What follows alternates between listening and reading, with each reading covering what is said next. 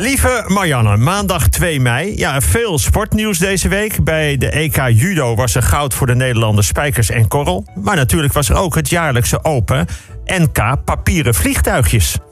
Die werd gewonnen door Pekka Pavarine met een zweefvlucht van 7,34 seconden. Hij won een vakantie naar Zuid-Spanje. Langs de afstand werd gehaald door het papieren vliegtuigje van Hajo Smit, namelijk 16,5 meter. Dat had makkelijk verbeterd kunnen worden door de sympathieke Oekraïense deelnemer, maar zijn papieren vliegtuig werd door een onsportieve Rus uit de lucht geschoten. Over vliegtuigen gesproken, het was afgelopen weekend belachelijk druk op Schiphol. Door personeeltekort waren er enorme rijen bij de douane en het inchecken. En het wachten duurde zo lang dat de meeste mensen, als ze eindelijk weg waren gevlogen bij aankomst op de vakantieplek, gelijk aansluiting hadden op de terugvlucht van een week later. Ook bij het cabinepersoneel waren er grote tekorten. Zelf wilde ik bijvoorbeeld naar Zuid-Spanje. Maar bij de start werd er aan ons gevraagd of er misschien iemand ervaring had met vliegtuigen en toevallig zijn pilotenpet bij zich had. Dat had één iemand, namelijk Pekka Paivarine. Dan wisten we in ieder geval dat we 7,34 seconden in de lucht zouden kunnen blijven. Het Britse conservatieve lagerhuislid Neil Parish is geschorst door zijn partij omdat hij tijdens een debat porno zat te kijken op zijn telefoon. Volgens Neil was dat helemaal per ongeluk gegaan. Hij was op zoek naar een tractor en hij keek op trekkers.com. Een andere keer zocht hij naar een mooie kandelaar, maar toen keek hij per ongeluk op keepervanveendam.com. Bij de oerconservatieve Paris gaat het wel vaker per ongeluk mis. Zo kwam hij laatst bij het ziekenhuis met een cavia in zijn reet. Daar was hij bij het schoonmaken van een hok per ongeluk opgevallen. Vorig jaar werd hij door een partijgenoot op zijn werkkamer betrapt... met de kantinejuffrouw op zijn neus en een stagiaire op zijn stok. Maar volgens hem ging het om een foto van Erwin Olaf. Dinsdag 3 mei, gisteren was het suikerfeest voor de moslims... het einde van de ramadan. Maar het suikerfeest is eigenlijk geen goede naam. Het il adviter betekent eigenlijk gewoon het einde van het vasten. Dat er tijdens het vasten na zonsondergang ook wel veel zoetigheid wordt gegeten, heeft verder helemaal geen religieuze betekenis. Dus het is geen goede naam. Anders kun je kerstmis ook tegen je zin één dag bij je ouders en één dag bij je schoonouders alleen maar hangen en vreedfeest noemen. of hemelvaart noem je dan, ik weet niet wat het is, maar kan lekker blijven liggen feest. maar als je dat doet, dan is er geen verschil met Pasen en Pinksteren. Kortom, Eid al-Fitr is gewoon de beste naam. Zelf, zat ik, uh, zelf was ik gisteravond naar Vrienden van Live.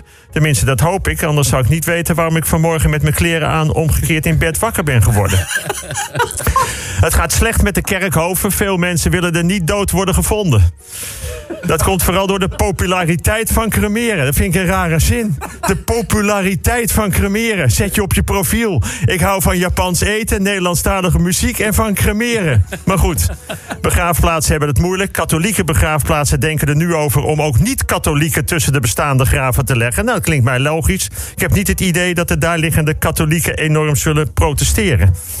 Toch nog even over Schiphol. Ja, ik zeg altijd, je moet de mensen met de zogenaamde lage banen, als die al bestaan, goed verzorgen. Of nou ja, laag, ik bedoel dus in status. Ik noem maar wat. Schoonmakers in een ziekenhuis redden werkelijk levens. Trouwens, schoonmakers overal. Laat je je vuilnis op straat liggen, dan krijg je uitbraken van ziektes.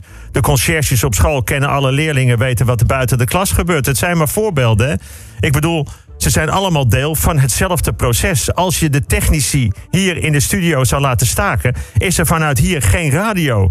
Dus je moet voor iedereen goed zorgen. En daarom is het bijvoorbeeld ook zo goed van Wietse dat hij vandaag waarschijnlijk een deel van zijn salaris overmaakt naar de receptionisten en het kantinepersoneel. En ik zie Mart nu ook al gebaren dat hij. Oh, oh nee, hij antwoordt namens Klaas, die er niet is. Woensdag 4 mei. Herkent u dit? Stel je hebt een beetje een oude auto, want die heb ik.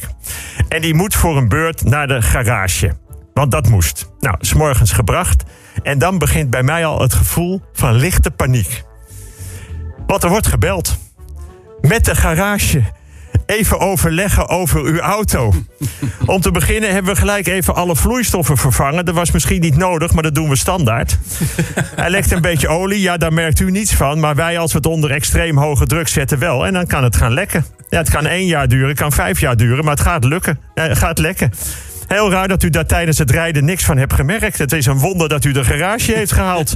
U mag het zelf bepalen, maar ik neem aan, neem aan dat u ook uh, gewoon wil dat uw auto start en niet onderweg stil komt te staan. Dus we hebben een nieuwe voorruit ingezet. Want er hoeft maar één verkeerd steentje op te springen en er zit een ster in. Voor de rest nieuwe distributiesnaar, nieuwe koppelingsplaten, andere zekeringeninstallatie. Het was allemaal nog prima, maar het gaat een keer kapot. Kan één jaar duren, kan vijf jaar duren, maar het gaat kapot en daar sta je. Nou, spiegels bekeken, stoelen iets naar achteren, toeter getest. We zijn er met drie man de hele dag mee bezig geweest. Ja, is 2400 euro, maar als je nieuwe koopt, dan is je jaarlijkse afschrijving een stuk hoger. Kortom, ik heb het gewoon gedaan. Want ik vind dat je ook iedere automonteur goed moet betalen. Dan is het 4 mei, dodenherdenking. Ja, ik weet het niet hoor. Mijn vader en moeder waren bijvoorbeeld kinderen in de oorlog. Tijdens de twee minuten stilte zie ik dan die twee spelen op straat. Kon dat? Ze konden niet of bijna niet naar school. Ik weet dat ze honger hadden, dat de vrienden en vriendinnetjes opeens weg waren. Mensen waren afgevoerd en vermoord. Er werd niet zoveel over gesproken thuis. En als ik er naar vroeg, werd ik veel langer dan twee minuten doodgezwegen. En één keer zei mijn vader dat weinig mensen in Bussum, waar ik vandaan kom, die het goed hadden, degene die het slecht hadden, hielpen. En dat wij dus voortaan altijd rekening moesten houden met degene laag in de rangorde. Ik noem het nog maar een keer. Donderdag 5 mei S10 heeft haar tweede Songfestival-repetitie in Turijn erop zitten. Ze was heel blij met hoe het ging. Was wel even zenuwachtig van haar outfit. Ze draagt namelijk een tweedelige set van Victor en Rolf. En tijdens de repetitie was te horen dat ze een opmerking maakte dat haar borsten wellicht te zien waren. Soms is het maar goed dat Johan en René daar niks meer over kunnen zeggen. Clarence Grace is geschrapt uit de line-up van de beste zangers. Clarence vindt het onterecht en is bereid om verhaal te gaan halen. Gisteren was de wedstrijd Real Madrid-Manchester City. Ik was eerst naar de dodenherdenking. Ik kwam pas laat in de wedstrijd, de laatste drie minuten. Nou, was precies op tijd. Het was 1-0 en City was zeker in de finale. Want Real moest in drie minuten twee keer scoren onder een verlenging uit te peuren. Maar het gebeurde in de 90ste en de 91ste minuut. De Spanjaarden noemen ze wel de Duitsers van Zuid-Europa. En in de verlenging scoort Real nog een keer. Real in de finale. City geeft het weg in de laatste minuten. Nou, dat zal Feyenoord niet gebeuren. Want ik denk dat het vanavond gewoon 0-0 blijft. Vrijdag 6 mei. Feyenoord heeft Olympiek keurig op 0-0 gehouden.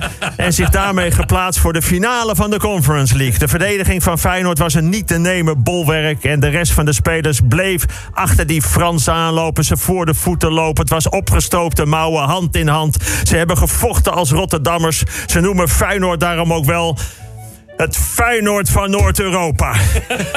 Schitterend weer een Nederlandse ploeg in een Europese finale. Nou, komend weekend bepaalt Feyenoord ook de ontknoping van de Eredivisie in uh, Nederland. Max rijdt in Miami.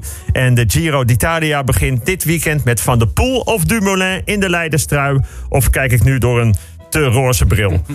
Tot volgende week.